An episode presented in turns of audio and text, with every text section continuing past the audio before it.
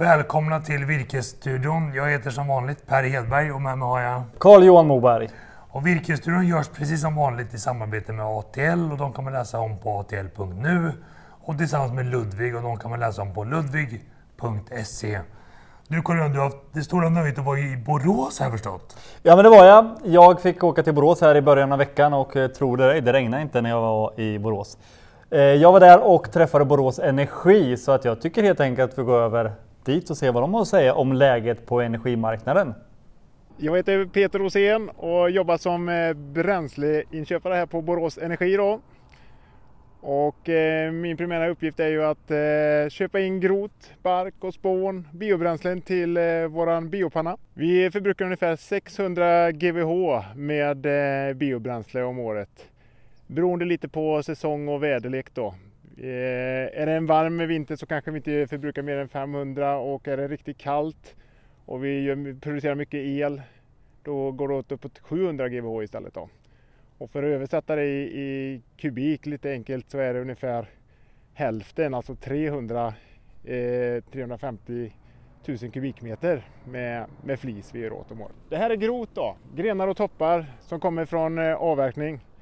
Eh, man har kört ihop eh, riset efter avverkningen och sen så har man då flisat detta eh, säsongen därpå. Men det är flera saker där. Nummer ett som jag egentligen vill skicka med är att låta barren falla av ute på hygget. För det är mycket näring kvar i, i barren som är bra att få tillbaka ut på, på skogsmarken som ligger kvar.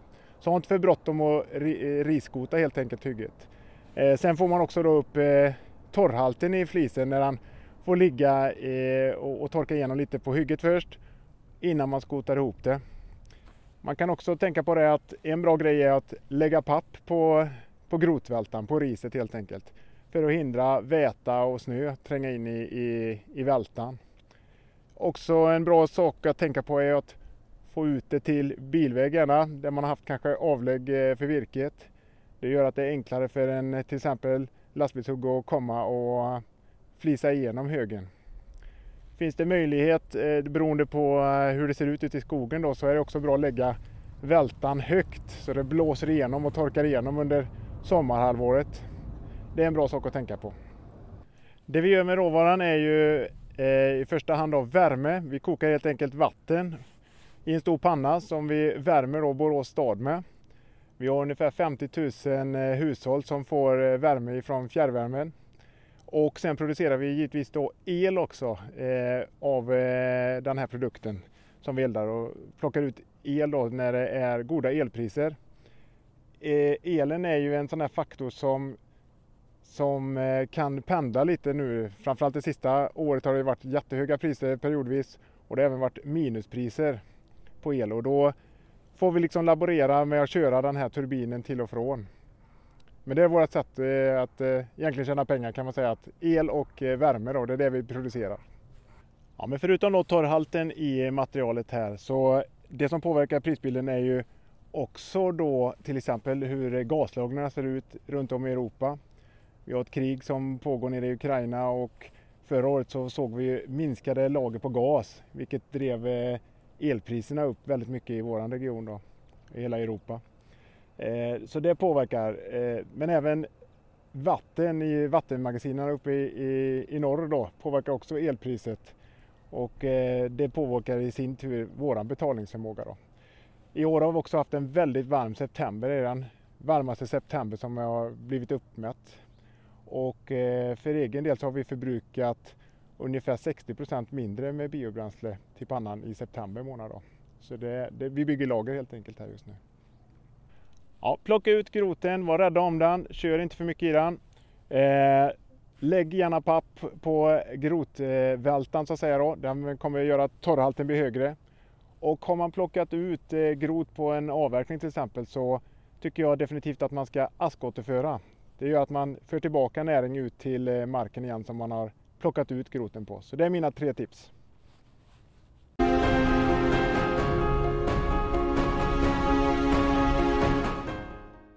Intressant, de säger att de har köpt på sig mycket, fulla lager. Men det är fortsatt drag på grotmarknaden då, grot och brännved? Ja, det är alla gånger. Och eh, jag tror ju också det att här har man ju ganska så nära koppling. Borås Energi är ju ett kommunalt bolag. Man har en nära koppling till, eh, till, till skogsägarna. Så att de, eller vad man säga, för de har mycket industrier runt omkring som de köper bark och spån och så. Som har sett till att köpa på sig. De har ju en stor lagringsmöjlighet att kunna göra. Det är ju värre då med andra som inte har den här lagringskapaciteten. Ja, men vi har ju här i Stockholm ett stort värmeverk som är egentligen helt beroende av just-in-time-leveranser. Ehm, så att de har ju fördel som sagt i Borås att de har en lageryta. Och jag tycker vi kan uppleva att det är lite nervöst inför vintern som kommer. Det beror på, blir det kallt i vinter? Hur ska vi klara oss utan rysk gas, rysk olja? Och sen har vi också det här sabotaget, vad det nu är, mot kopplingen mellan Estland och Finland gasmässigt. Så att det är ett nervöst system som gärna bunkrar upp och köper på sig och det ger ju höga priser också. Ja, det gör det ju. Så att det är klart, nu har man ju gjort det. De säger att det är välfyllda lager även på gas i, Europa. Men det är saker, saker. det som påverkar elpriset just nu, det är ju kriget självklart och sen är det ju vädret. Hur mycket blåser det? Hur kallt blir det? Och sista dagen har det blåst ganska mycket så det har ju varit ett lågt elpris. Men det blir spännande. Jag tror att som skogsägare har man god anledning att följa vädret även ute i Europa som en parameter kring det egna skogsbruket. Så det blir en riktigt vädertung vinter tror jag. Det tror jag alla gånger. Peter pratade lite grann om askåterföring. Kan du förklara vad det är för någonting? Jo, men det ska jag ta och göra. För det är ju så när man eldar med biobränsle eller när man gör ett uttag från grot, om man säger så, grenar och toppar från marken, då tar man ut sånt som sedan egentligen skulle ha multnat ner och gett näring och eh, ja, till, tillbaka till skogen. Ska man föra tillbaka det här. Och de här pannorna då som är reneldade då med biobränsle, då kan man plocka ut det här det, blir ju, det är ju aska helt enkelt då som man kör ut i skogen igen då. Och det här sprider man ju dels i eh, gallringar kan man göra och man kan även sprida på hyggen. Så det är någonting som de här eh, värmeverken då jobbar med att, att få ut. För det är bra för, bra för marken och motverkar försurning. Är de skyldiga att göra askåterföring? Eller ja, det, det? ja, det står väl lite där deras, som jag har förstått det som i deras, lite som miljötillstånden att de ska göra det här. Och den naturliga följdfrågan, kan man få betalt som markägare om man låter sig askåterföras på? Nej, det direkt så funkar det inte, men däremot så har man väl ingen kostnad på det. Och det är ett bra sätt liksom för kretsloppet att återföra askan. Men det ökar tillväxten i skogen? Eller? Jag tror att det där kan man nog kolla på, men i alla fall det är näring eller vad kan man säga, det är ämnen som kommer tillbaka i kretsloppet som, som kan motverka försurning och hela den biten som är bra för skogen på lång sikt. Intressant, man lär sig nytt varje dag. Nu vill jag prata om virkesprishöjningar. Södra har varit ute och höjt virkespriserna, framförallt på sågtimmer. Ja, det gjorde de och det är väl klart vi är i eh, mitten av oktober och det kommer en sågtimmerprisändring från Södra. Lite oväntat måste jag nog säga ändå. För att vi har ju konjunkturen alltså, så det, men att, att man kommer med det. Men det är väl bara positivt och visar ju på att det är ju bra drag i marknaden. Men jag tycker det är så spännande med att konjunkturen går neråt men virkespriserna går fortsatt uppåt. Mm. Så att det är ingen lågkonjunktur i skogen och fortsatt bra läge att göra bra avverkningar och få bra intäkter på både avverkningar och gallringar. Alla gånger, alla gånger och alla sortiment är ju efterfrågade. Eh, både med massaveden, timmer och brännveden och groten. Man kan säga också att Mellanskog har också höjt sina virkespriser men det gäller för medlemmar där man infört en medlemspremie. Ja det är det och det tycker jag är lite intressant att spana om varför de har skrivit så tydligt där för medlemmar. För om du säljer till Mellanskog så är det väl medlem. Men det är kanske är ett sätt också att locka nya medlemmar. Så kan det ju absolut vara. Men fortsatt väldigt stark marknad, väldigt spännande. Vi har fått lite frågor till oss också. Bland annat har man frågat Kostar det någonting att använda virkesbörsen? Nej, men att lägga upp en annons som skogsägare och sälja på våra marknadsplats så kostar ingenting. Och det gäller ju både då om man säljer eh, virke, avverkningsrätt eller avverkningsuppdrag eller en rotpost. Eller om man säljer biobränsle som grot. Så. så det kostar ingenting. Så att, eh, har du någonting på G som är dags att eh, sälja så lägg gärna upp en annons då. Så det kostar ingenting, men finns det någon annan anledning att göra det då? Ja, men speciellt är väl då att många av våra användare, de flesta användare, får ju mer betalt. Alltså vi har de som får upp mot 25, kanske 30 procent mer betalt mot vad de har fått innan. Och därför ska man ju alltid konkurrensutsätta och det är det som är den stora fördelen med att använda en digital marknadsplats. Att nå alla köpare på marknaden. Jag vet ju, du brukar formulera väl, det gäller att vara lite om sig och kring sig.